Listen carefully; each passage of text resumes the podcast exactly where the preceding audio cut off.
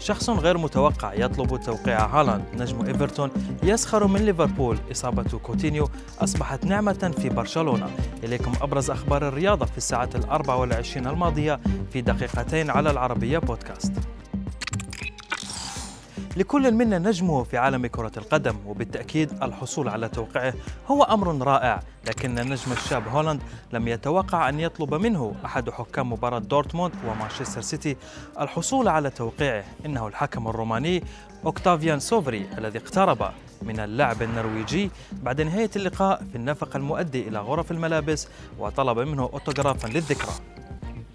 نجم إيفرتون ريتشارليسون ضرب عصفورين بحجر واحد بعد خسارة الغريم ليفربول أمام ريال مدريد. اللاعب البرازيلي لم يفوت الفرصة للنيل من الجار اللدود بعد نشره لصورة قديمة تجمعه مع لاعب ريال مدريد فينيسيوس جونيور الذي كان حاسما وسجل هدفين أمام ليفربول.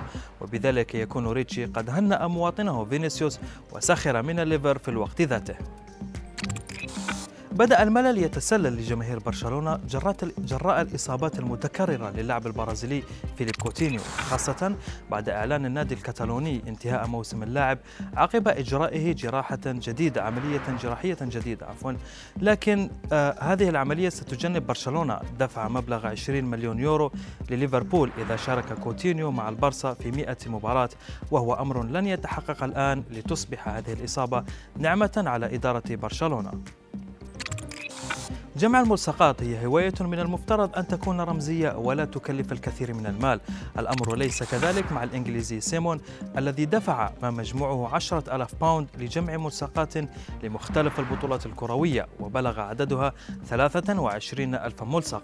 ويملك سيمون ألبومات تعود لكأس العالم 82 و 78 كما باع ملصقا نادرا لمارادونا في كأس العالم 82 بمبلغ 90 باوند لمجمع ملصقات في أمريكا.